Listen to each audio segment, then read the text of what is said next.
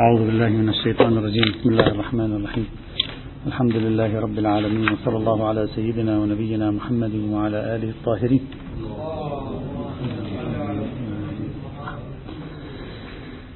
كنا بصدد الحديث عن الدليل الثاني الذي يمكن أن يطرح لإثبات مبدأ الكرامة الإنسانية. تحدثنا عن دليل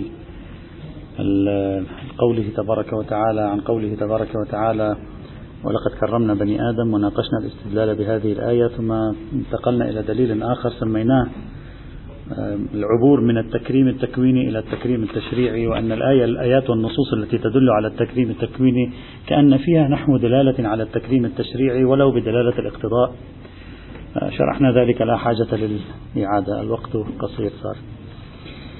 هذه المحاولة بهذه الطريقة لا تنفع. هذه المحاولة التي حاولنا أن يعني ننتصر بها للقائلين بمبدأ الكرامة الإنسانية أيضا لا تنفع لإثبات مبدأ من هذا النوع.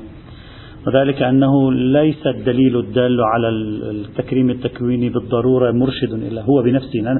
في هذه المحاولة نحن نتكلم عن نصوص دلالة النصوص على التكريم لكن بالعبور من التكوين إلى التشريعي. ليس دلالة النص على على التكريم التشريعي وإنما دلالته على التكريم التكويني ونريد أن نعبر به من دلالته على التكريم التكويني إلى الدلالة على التكريم التشريعي. هذا لا دليل عليه. ممكن أن يكون الله قد كرم الإنسان تكوينا حتى يتشدد عليه تشريعا. يعني فإذا قال أنا كرمتك تكوينا فليس بلازم هذا القول أن يكون قد كرمه تشريعا. نعم يمكن أن يكون لازم هذا القول إلقاء مزيد من الحجة عليه. ممكن أن يكون لازم هذا القول وضعه في مصاف التكليف. لا من لازم هذا القول وضعه في مصاف الحقوق. نعم عندما أنت تعطي ميزات لشخص معين هذا ممكن أن يكون لأجل أن تعطيه حقوقا وممكن أن يكون لأجل أن تأخذ منه تكاليف. فالآيات الدالة على التكريم التكويني متساوية النسبة إلى التكريم التشريعي. وعدمه فلا نستطيع أن نستدل بشيء هنا. نعم ما يتعلق بالذيل الذي ذكرناه سابقا وهو الطفل الصغير كيف يمكن أن يكون؟ هذا بحث سوف يأتي إن شاء الله. دليل مستقل عقلي سوف أشير إليه لاحقا. بل.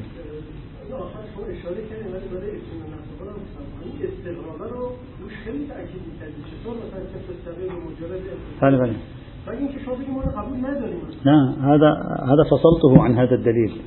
قلت هذا هذا الكلام هذا المقطع الأخير هو دليل يصلح دليلا مستقلا بالمستخدمين دليل العقل العملي سوف نفصله لاحقا إن شاء الله. نعم نعم نعم نعم, نعم. سنفصله لاحقا. لأن نعم نعم. لا ليس. أحسن قبل أن أختم هذا الدليل طبعا توجد مشكلتان هنا تواجهان الفكر المسيحي والفكر الشيعي الإمامي فقط. الفكر الكاثوليكي والشيعي الإمامي. وإذا لم يتم تجاوز هاتين المشكلتين لا تستطيع أنت أن تقيم هذا الدليل بصرف النظر عن الملاحظة التي قلناها الآن. المشكلة الأولى سأشير إليها باختصار لأنني لن أفصل فيها في الدرس. المشكلة الثانية سوف نركز عليها باعتبار أنها يعني في الإطار الشيعي. المشكلة الأولى هي مشكلة الخطيئة الأولى خطيئة أبينا آدم. خطيئة أبينا آدم في الفكر الإسلامي تختلف عن الفكر المسيحي. في الفكر الإسلامي أخطأ آدم وقال له الله تفضل انزل على الأرض وأنت الآن صرت في محل ابتلاء. لكن خطيئة أبينا آدم في الفكر المسيحي عبارة عن قصة طويلة من قصص التكوين. قصة تكوين الإنسان هي خطيئة آدم. لماذا؟ لأن خطيئة آدم تؤدي إلى تدمير النفس الإنسانية تدمير تكويني. والإنسان لن يتمكن أن ينهض بعد اليوم بهذه الخطيئة. وهذه الخطيئة تسري في الوراثة عند كل البشر. فكل واحد منا تكوينا غير قادر على النهوض. يعني غير قادر على أن يصبح صالحا. هذه عقيدة خطيرة في في الفكر المسيحي ولها علاقة بمسألة الشرور. الإخوة يذكرون الإخوة الذين حضروا درس التفسير ذكرنا مجموعة من نظريات الشرور وأشرنا لهذا الموضوع. المسيحيين في العالم واحدة من مشاكلهم مع قضية الشر هي هذه وهي أن الإنسان الآن في الدنيا يولد وهو مدمر غير قادر على أن يصبح إنسانا صالحا. فأنت لا تستطيع أن تكون صالحا أصلا. وإنما فقط وفقط بالإيمان بالمسيح تصبح صالحا. وإلا أنت تكوينا لا تقدر على أن تكون. نفس الإيمان بالمسيح يجعل الله سبحانه وتعالى يخرجك من إطار الفساد إلى إطار من إطار الفساد التكويني. لا الفساد الأخلاقي. أنت كنت فاسدا تكوينيا معطوبا تكوينيا. الموتور الذي يحركك الموجود في داخلك خربان. الآن بمجرد الإيمان بالمسيح هذا الموتور تم إصلاحه والآن بإمكانك أن تنهض. بل عند البروتستانت الأمر أسوأ. بإيمانك بالمسيح الموتور سيبقى خربان. طيب شو نسوي إذا الإيمان بالمسيح؟ سيعتبر الله موتورك صحيح. بالحكومة والادعاء. باصطلاحنا آه صحيح. إذا المفهوم المسيحي لتكوين الإنسان أنه معطوب. يعني طينته انتهت. صلاحه التكويني انتهى. هذا الاستدلال الثاني يعتبر أن الإنسان تكوينا مكرم صحيح مكرم تكوينا قبل الخطيئة. بعد الخطيئة مباد تكوينا. فالآن أنت تريد أن تعبر من التكريم التكويني إلى التكريم التشريعي؟ في عندك عقبة في الفكر المسيحي. وهي أن هذا التكريم التكويني انتهى زمانه بالخطيئة. خطيئة أبينا آدم. وبعد خطيئة أبينا آدم لا يوجد الآن. أنت لست مكرما تكوينا. أنت معطوبا تكوينا. أنت خربان تكوينا بعبارة أو بأخرى. ولا يمكنك أن تنهض إلا بالإيمان. فالمرجعية للنهوض ما هي؟ الإيمان وليس الإنسانية. أنت المفروض تريد هنا أن تعبر من التكريم التكويني إلى التكريم الاعتباري للإنسان بما هو إنسان. وأنت تريد أن تثبت نظرية الكرامة الإنسانية. إذا الفكر المسيحي الكاثوليكي والبروتستانتي يواجهان هذه المشكلة العميقة في هذا حتى المصلحين الكاثوليك مثل كارل رانر الذين قالوا بأن الإيمان بالمسيح ليس خاصا بالمسيحيين بل هناك من نسميهم المسيحيون بلا اسم المسيحية. ويقول هناك مسلمون وهناك هندوس وهناك بوذيون وهناك يهود. هم عبارة عن مسيحيين وينجون في الآخرة. وإن لم نسميهم بالمسيحيين لأنهم تشملهم رحمة المسيح. حتى هذه النظرية في النهاية جعلت الحل بالمسيحية. لم تجعل كرامتك بالإنسانية. في النهاية أرجعت حسن المسلم أو بعض المسلمين إلى كونه مسيحيا لكن بدون اسم المسيحية. ولم ترجع حسنه وكرامته إلى كونه إنسانا. فإذا هذه مشكلة لا أريد أن أطيل فيها سأتركها هنا. تواجهها ال ال ال يواجهها الفكر المسيحي بامتياز. أما المشكلة التي يمكن أن نتحدث عن مواجهة الفكر الشيعي لها الإمام الاثنى عشري فهي أخبار الطينة. أخبار الطينة الإنسان بما هو إنسان ليس مكرما. تكوينا ليس مكرما في أخبار الطينة بمدلولها الأول نتكلم أخبار الطينة هي مجموعة من الروايات العديدة التي ادعي تواترها معنى وإلى آخره. موجودة في مصادر الحديث مجموعة في الكتب الموسوعية الكبيرة مثل بحار الأنوار تقول بأن الطينة التي خلق منها الشيعي طينة صالحة طيبة. والطينة التي خلق منها غير الشيعي طينة خبيثة. في بعض الروايات من نار في بعض الروايات من حمأ مسنون. إذا طينة غير الشيعي هي طينة ملوثة. يعني في التكوين ملوثة. وأنت تريد الآن أن تستدل بالتكريم التكويني على التكريم التشريعي تقف في مقابلك روايات الطينة. تقول لك ليس كل الناس مكرم تكوينا كما أنت تتصور. الشيعي مكرم تكوينا لأن طينته صالحة. غير الشيعي من سائر المسلمين فضلا عن غير المسلمين طينته خبيثة. يعني المكونات التكوينية له خبيثة أصلا. فبالتالي لم يكرم خلق دانيا. ولم يخلق مكرما. أنت كيف تقول لي أريد أن أعبر من الدلالات الدالة في النصوص على التكريم التكويني؟ أريد أن أعبر إلى التكريم التشريعي. من قال لك أن الناس مكرمة أصلا تكوينا؟ المفترض بأخبار الطينة أن الناس على حالتين. شيعي مكرم بطينته يعني بتكوينه وغير شيعي لا حبيبي ليس مكرما. حتى تكويننا مش مكرم هذا. أنت تريد أن تعبر من التكوين إلى التشريع؟ صار الأمر صعب عليه. فلا بد من حل مشكلة أخبار الطينة يعني إيجاد تفسير لها ينسجم مع تك تك مفهوم تكريم الإنسان لكي تستطيع أن تستخدم أنت هذا الدليل. إذا صح هذا الدليل قلنا ليس صحيحا. إذا صح هذا الدليل. وأنا لا أريد أن أبحث في أخبار الطينة. أخبار الطينة يعني حق الألغام معروف. البحث فيه معقد جدا وروايات كثيرة والآراء فيه مت... فقط أريد أن أعطي الإخوة آه، بعشر دقائق خمس دقائق صورة عن موضوع أخبار الطينة في تراثنا الإمامي حتى أنت تكون في أنت براحتك. اذهب إلى الحل الذي تريد أنت اختر الحل الذي تريد. أنا لا أريد أن أدخل لا في حلول هنا ولا في تفسيرات هذه الأخبار. لا ليس مرتبطا لأن هذا الدليل أبطلناه نحن بلا حاجة إلى أخبار القيمة. الآن قلنا قبل قليل قلنا حتى لو كان مكرما تكوينا لا يثبت. قلنا حتى لو كان مكرما تكوينا لا يثبت. نعم لا يثبت أنه مكرم تشريعا. شبرس إذا لم يكن مكرما تكوينا؟ إذا لا, لا ما عندنا مشكلة في الله. لذلك نحن خلصنا نفسنا في البداية وبعدين قلنا أخبار الطينة الآن سأشير إلى الآن سأشير. فقط أنا أعرض المشكلة بعدين أقول أن أخبار الطينة فيها تفاسير. فقط أعرض المشكلة أنه من الممكن أن شخص يقول لك أنت الآن كشيعي إمام اثنى عشر وتحدثنا عن تكريم الإنسان ومبدأ كرامة الإنسان وتنتقل من التكريم التكويني إلى التكريم التشريعي. حبيبي أنت عندك أنت أنت الشيعي لا يوجد تكريم تكويني للإنسان. على ماذا فإذا قلت له أنت كيف؟ قل له أنت قلت طينة خبيثة. طينة يعني تكوين. تكوين خبيث يعني ليس مكرما في تكوينه. إذا يجب أن نعيد النظر مرة أخرى. هذا أصل الإشكالية. الآن الحلول تختلف. إذا أخبار الطينة طبعا لها يعني تحليلات كثيرة. أنا فقط السيد عبد الله شبر في كتابه آه، مصابيح الأنوار في حل مشكلات الأخبار آه، في أول حديث في الجزء الأول أخبار الطينة.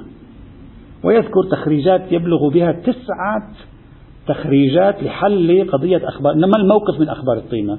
تسعة تخريجات تسعة مواقف خلينا نعبر عنها. من أخبار الطينة أنا فقط سأشير إجمالا لأن جزء من هذه التخريجات أصلا هي موجودة عند صاحب البحار. أيضا نقلها صاحب البحار عن من قبله وهو أيضا تبنى بعضها كما سوف أشير.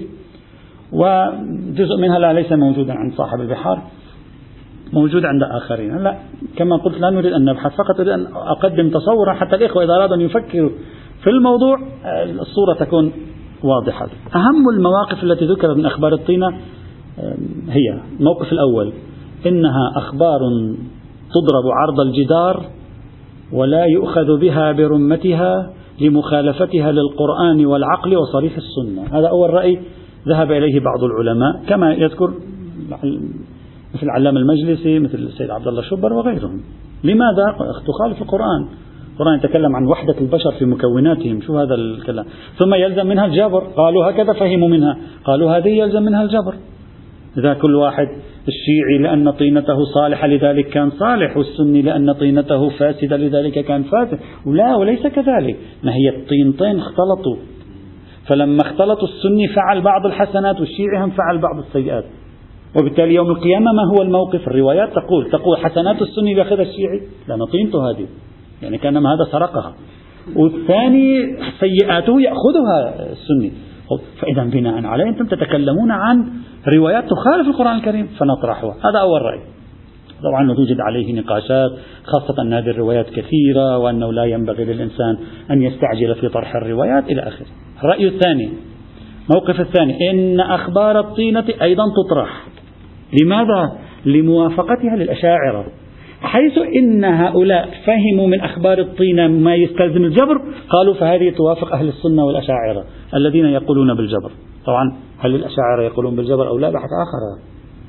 هل حقا الأشاعرة يقولون بالجبر؟ هل نظرية الكسب الأشعرية هي نظرية جبر؟ بحث طويل. لكن هكذا قال هذا الفريق من العلماء.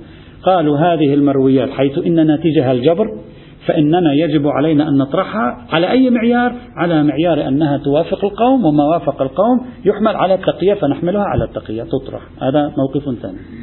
وهذا الموقف الأول والثاني قليلون يعني عادة قليلون الذين يعني يتخذون الموقف الأول والموقف الثاني. الموقف الثالث. وهذا الذي اختاره العلامة المجلسي في موضع من بحار الأنوار. لا في كل لا في كل مواضع. في موضع من بحار الأنوار اختاره العلامة المجلسي. في الجزء الخامس صفحة 234 هكذا قال. قال المقصود بذلك ليس أنه يعني تكوين. المقصود أن الشيعي لولا سلطة الجور السنية لفعل صلاحا.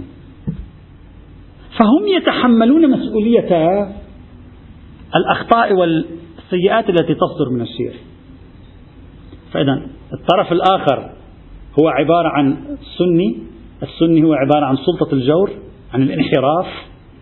فحيث إنه حاكم ويضغط على الشيعة كونهم أقلية فيضطرون إلى في, في الفضاء الفاسد الذي صنعه هو يضطرون لفعل أو لفعل بعض المعاصي أو يقعون في بعض المعاصي سيئاتهم. يأخذها هو وحسناته هم يأخذونها. هذا المعنى. قال هذا وجه مقبول لا بأس. المخالطة. فإذا خرجنا من دائرة التكوين دخلنا في دائرة الاجتماع. المراد من الطين أن هذا حاكم الغالب في فعله الفساد أن هذا أقلية مظلومة مؤمنة. الغالب في فعلها الصلاح. صدور الفساد من هذه منشأه كثرة الفساد من هذا وهكذا. وهذا تخريج ذكروه. هل أنت تقبل به ما تقبل به براحتك. الموقف الرابع. قالوا هذا ليس أخبار الطينة كلها ليست إلا كناية عن العلم الله سبحانه وتعالى بمصائر الفريقين. يعني بدل أن يقول الله سبحانه وتعالى مصير الشيعي إلى الجنة ومصير غير الشيعي إلى النار المصير حوله إلى أصل. مصير الشيعي إلى الجنة يعني طينته جيدة. مصير غير الشيعي إلى النار يعني طينته خبيثة. فعبر عن المآلات باسم المبادئ. لك أن تقبل لك أن لا تقبل براحتك. هذا أيضا موقف رابع. الموقف الخامس.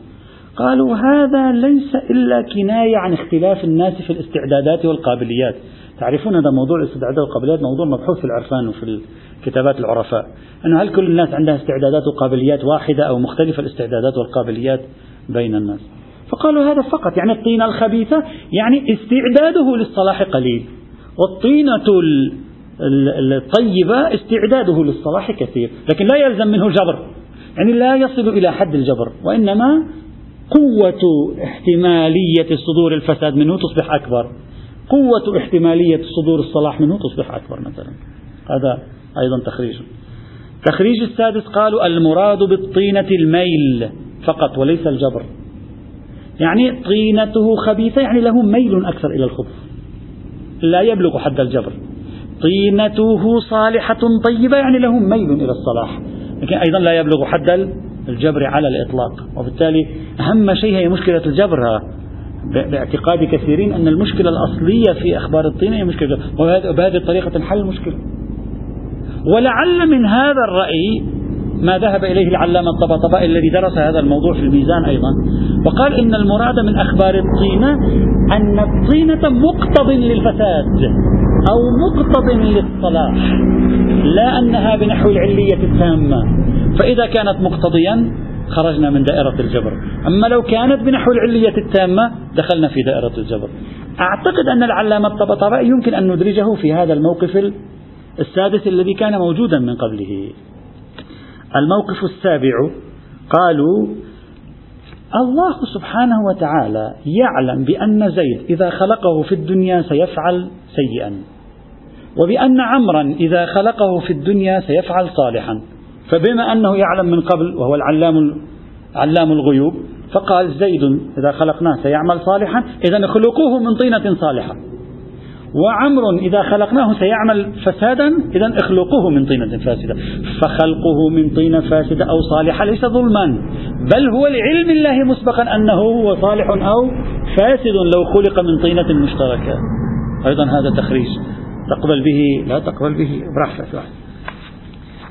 التخريج الثامن ما قبل الأخير وهو تخريج يربط أخبار الطين بعالم الذر والميقات. في في ارتباط كبير بين أخبار الطين وبين عالم الذر والميقات.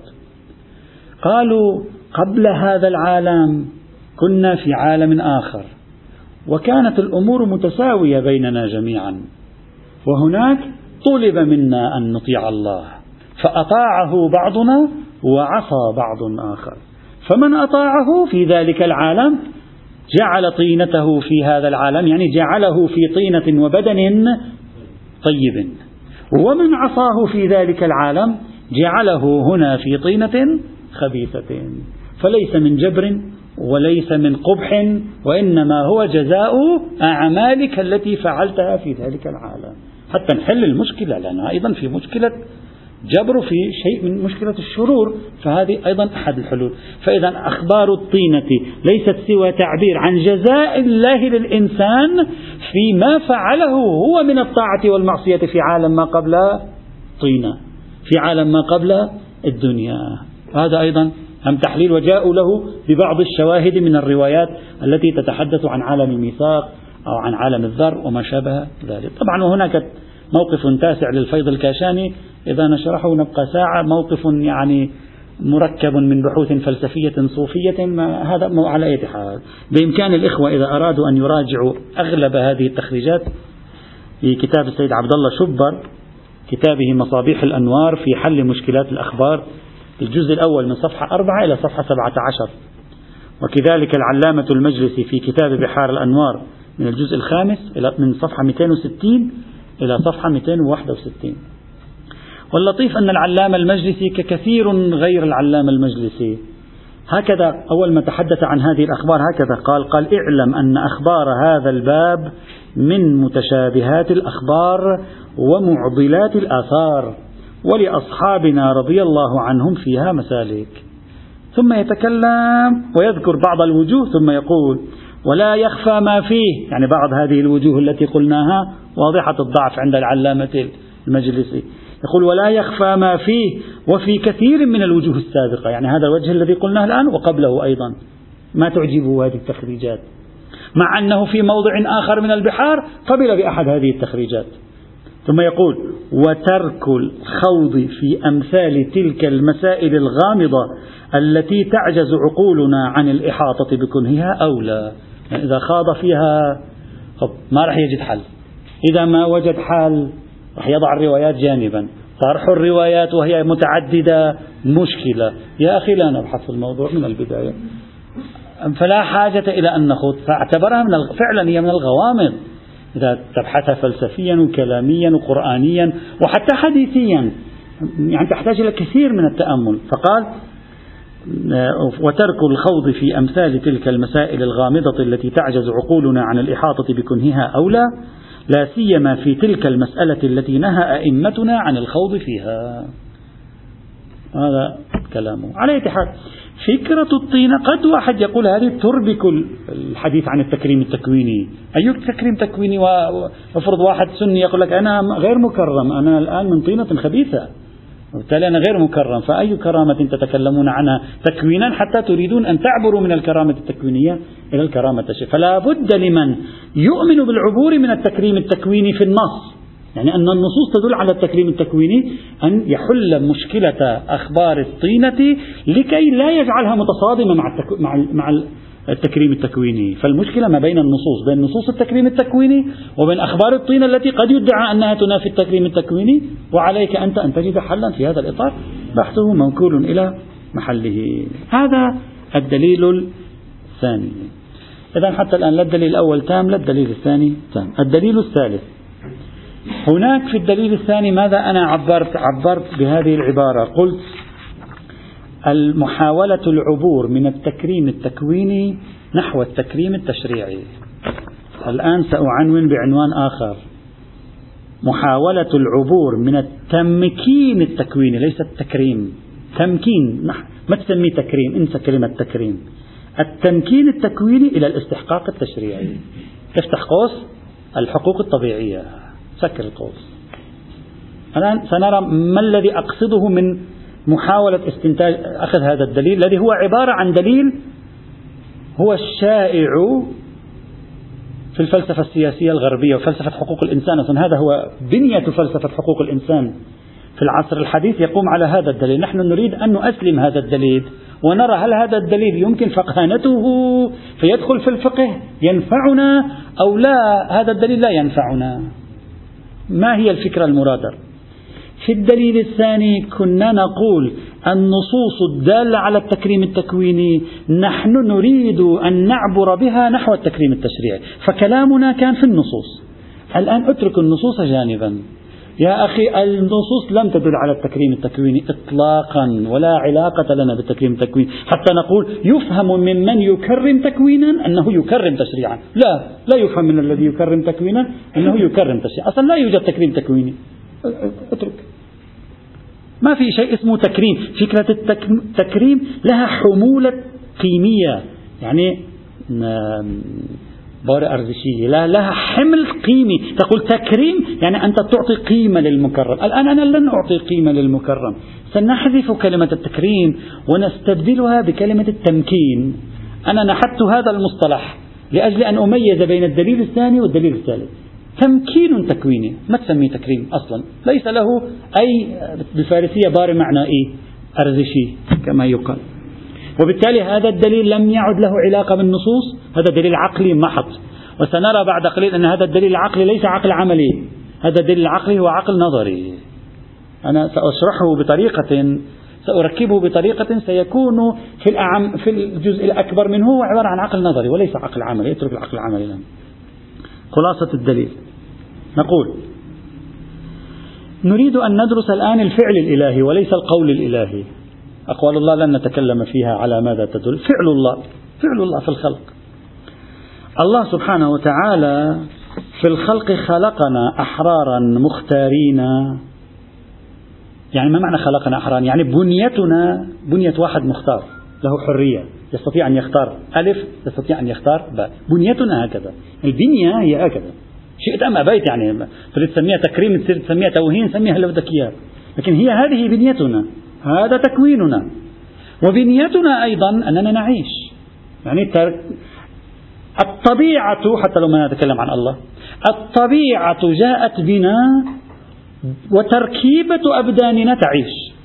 مقتضى تركيبتها أنها تعيش. إذا الحياة الحرية والاختيار هذه جزء من تركيبتنا التكوينية ليست تركيبة تشريعية ليست أمر تشريعي هي جزء من أمرنا التكويني. أنت بمجرد أن تقول أنا صنعت هذا الجهاز الكمبيوتر أنا في الحقيقة بمجرد أن صنعته جعلته يحسب. يعني نفس الصنع له هو جعله حاسبا. نفس الشيء الإنسان. نفس صنع الله للإنسان جعله مختارا. نفس الصنع نفس صنعه للإنسان جعله يحيا يعني التكوينا هكذا. ماشي. ممتاز. وجعله أيضا يتعقل ويفكر. وهذا جزء من تكويننا. يعني الله زرع فينا التعقل والتفكير بالخلق بالخلق. اترك الشريعة الآن تماما. وإلا إذا كان الذي خلق فينا طاقة الحياة لا يريد لنا الحياة. فيكون قد فعل عبثا. أنت خلقت فينا طاقة الحياة وأنت لا تريدنا أن نحيا. هذا تناقض. تناقض في الفعل في غرض التكوين. ما زلت أركز على مفهوم التكوين. يعني أنت صنعت الكمبيوتر بطريقة يحسب ولكنني لا أريده أن يحسب. وهذا تناقض. تناقض بين ذات الفعل وبين غرضية الفعل التكويني. هو يحسب. فكيف تقول أنا صنعته لا أريد أن يحسب؟ وأنت صنعته يحسب.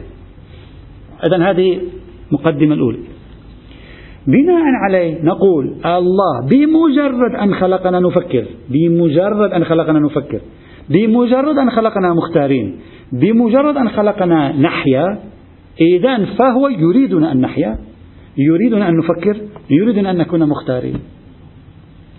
وهذه مبدأ الكرامة الإنسانية. كيف؟ اترك مسلم وغير مسلم نتكلم في أصل الخلقة الآن.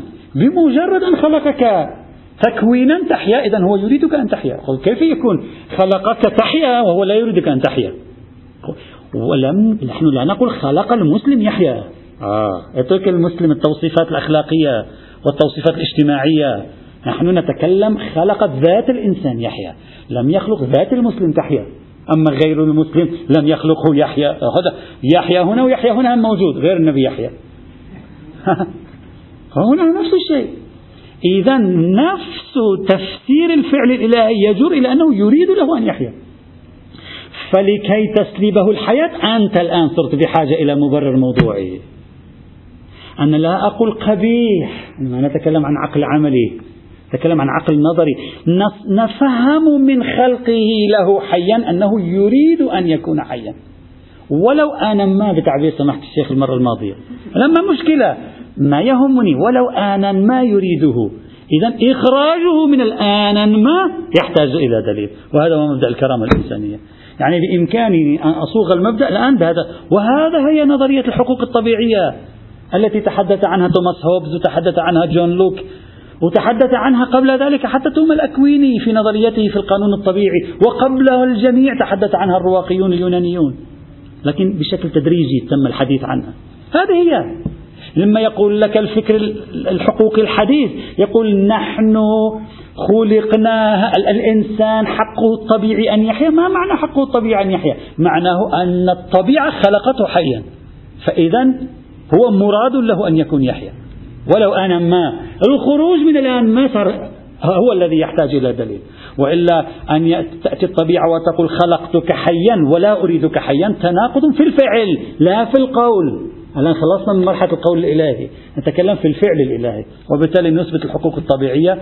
حقوق الطبيعية تساوي الكرامة الإنسانية. الذين يتحدثون عن الكرامة الإنسانية لا يقصدون إلا هذا. هو هذا الحقوق الطبيعية. الحقوق الطبيعية الأساسية لا الحقوق القانونية. حتى أعيد وأكرر هناك فرق في فلسفة القانون بين الحقوق الطبيعية الأساسية وبين الحقوق القانونية. الحقوق الطبيعية الأساسية هي التي تستدعيها الطبيعة. الحقوق القانونية تستدعيها الأعراف. تستدعيها الظروف السياسية والاجتماعية تستدعيها المواضعات البشرية. مثلا حق تشكيل جمعية سياسية. وهذا أمر هذا يسمونه الحقوق القانونية. لكن حق مبدأ حق الحرية والاختيار هذا حق طبيعي. لأن الطبيعة أعطتني إياه. ما في أحد أعطاني إياه. فأنت إذا تسلبني إياه فأنت تناقض الطبيعة. فأنت إذا تسلبني حق الحياة أنت تناقض الله. لأن الآن صرنا مؤمنين. فأنت تناقض الله في منح حق الحياة. هلأ المناقضة تحتاج إلى دليل. ممكن تمنحني تسلبني حق الحياة بدليل أنني ارتكبت جرما بدليل أنني فعلت تقصيرا. وهذه تبريرات مقبولة حتى في الفكر الحقوق الحديث ما عندهم مشكلة. لكن هي التي تحتاج إلى دليل. وبالتالي كرسنا مبدأ الكرامة الإنسانية بهذا المعنى آه الذي يمكن طرحه في هذا الإطار. بل.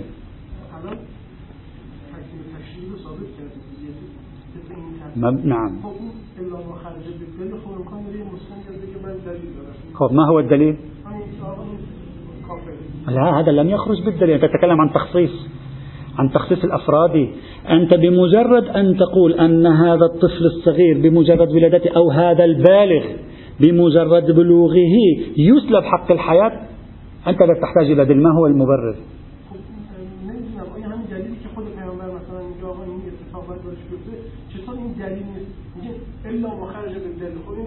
لا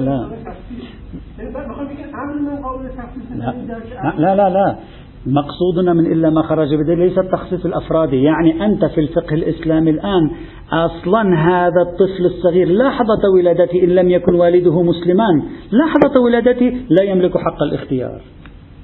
أنت في لحظة ولادته تسلب حقوقا كثيرة تعد من الحقوق الطبيعية. لا لا لا. أنا أتيت بفكرة أنا ما بالمعنى العرفي وإلا أنا ما بلا معنى هنا. أنا ما يعني بحكم العدم نتكلم عن شيء عقلاني نتكلم بطريقة عقلانية. طريقة عقلانية يعني أنت سلمت من حيث المبدأ أن هذا الشخص له حق الحياة من حيث المبدأ. سلمت من حيث المبدأ هذا الشخص له حق الاختيار. سلمت من حيث المبدأ أن له حق التفكير. بعدين تقول له لا ليس لك حق التفكير. ما معنى ليس لك حق التفكير؟ الآن يجي هون إشكال لك حق التفكير لكن إذا وصلت إلى نتيجة بعكسي أقتلك. أي حق تفكير هذا. إذا أنت سلبت الحقوق الطبيعية. إذا أنت ناقضت الطبيعة. حتى لو جاء الآن بصرف النظر لو جاءني دليل لفظي ما نسبة الدليل اللفظي إلى هذا الدليل؟ بحث آخر. لكن نتكلم الآن بصرف النظر عن المعارض. بصرف النظر عن المعارض مقتضى هذا الدليل نعم. ثبوت الكرامة الإنسانية.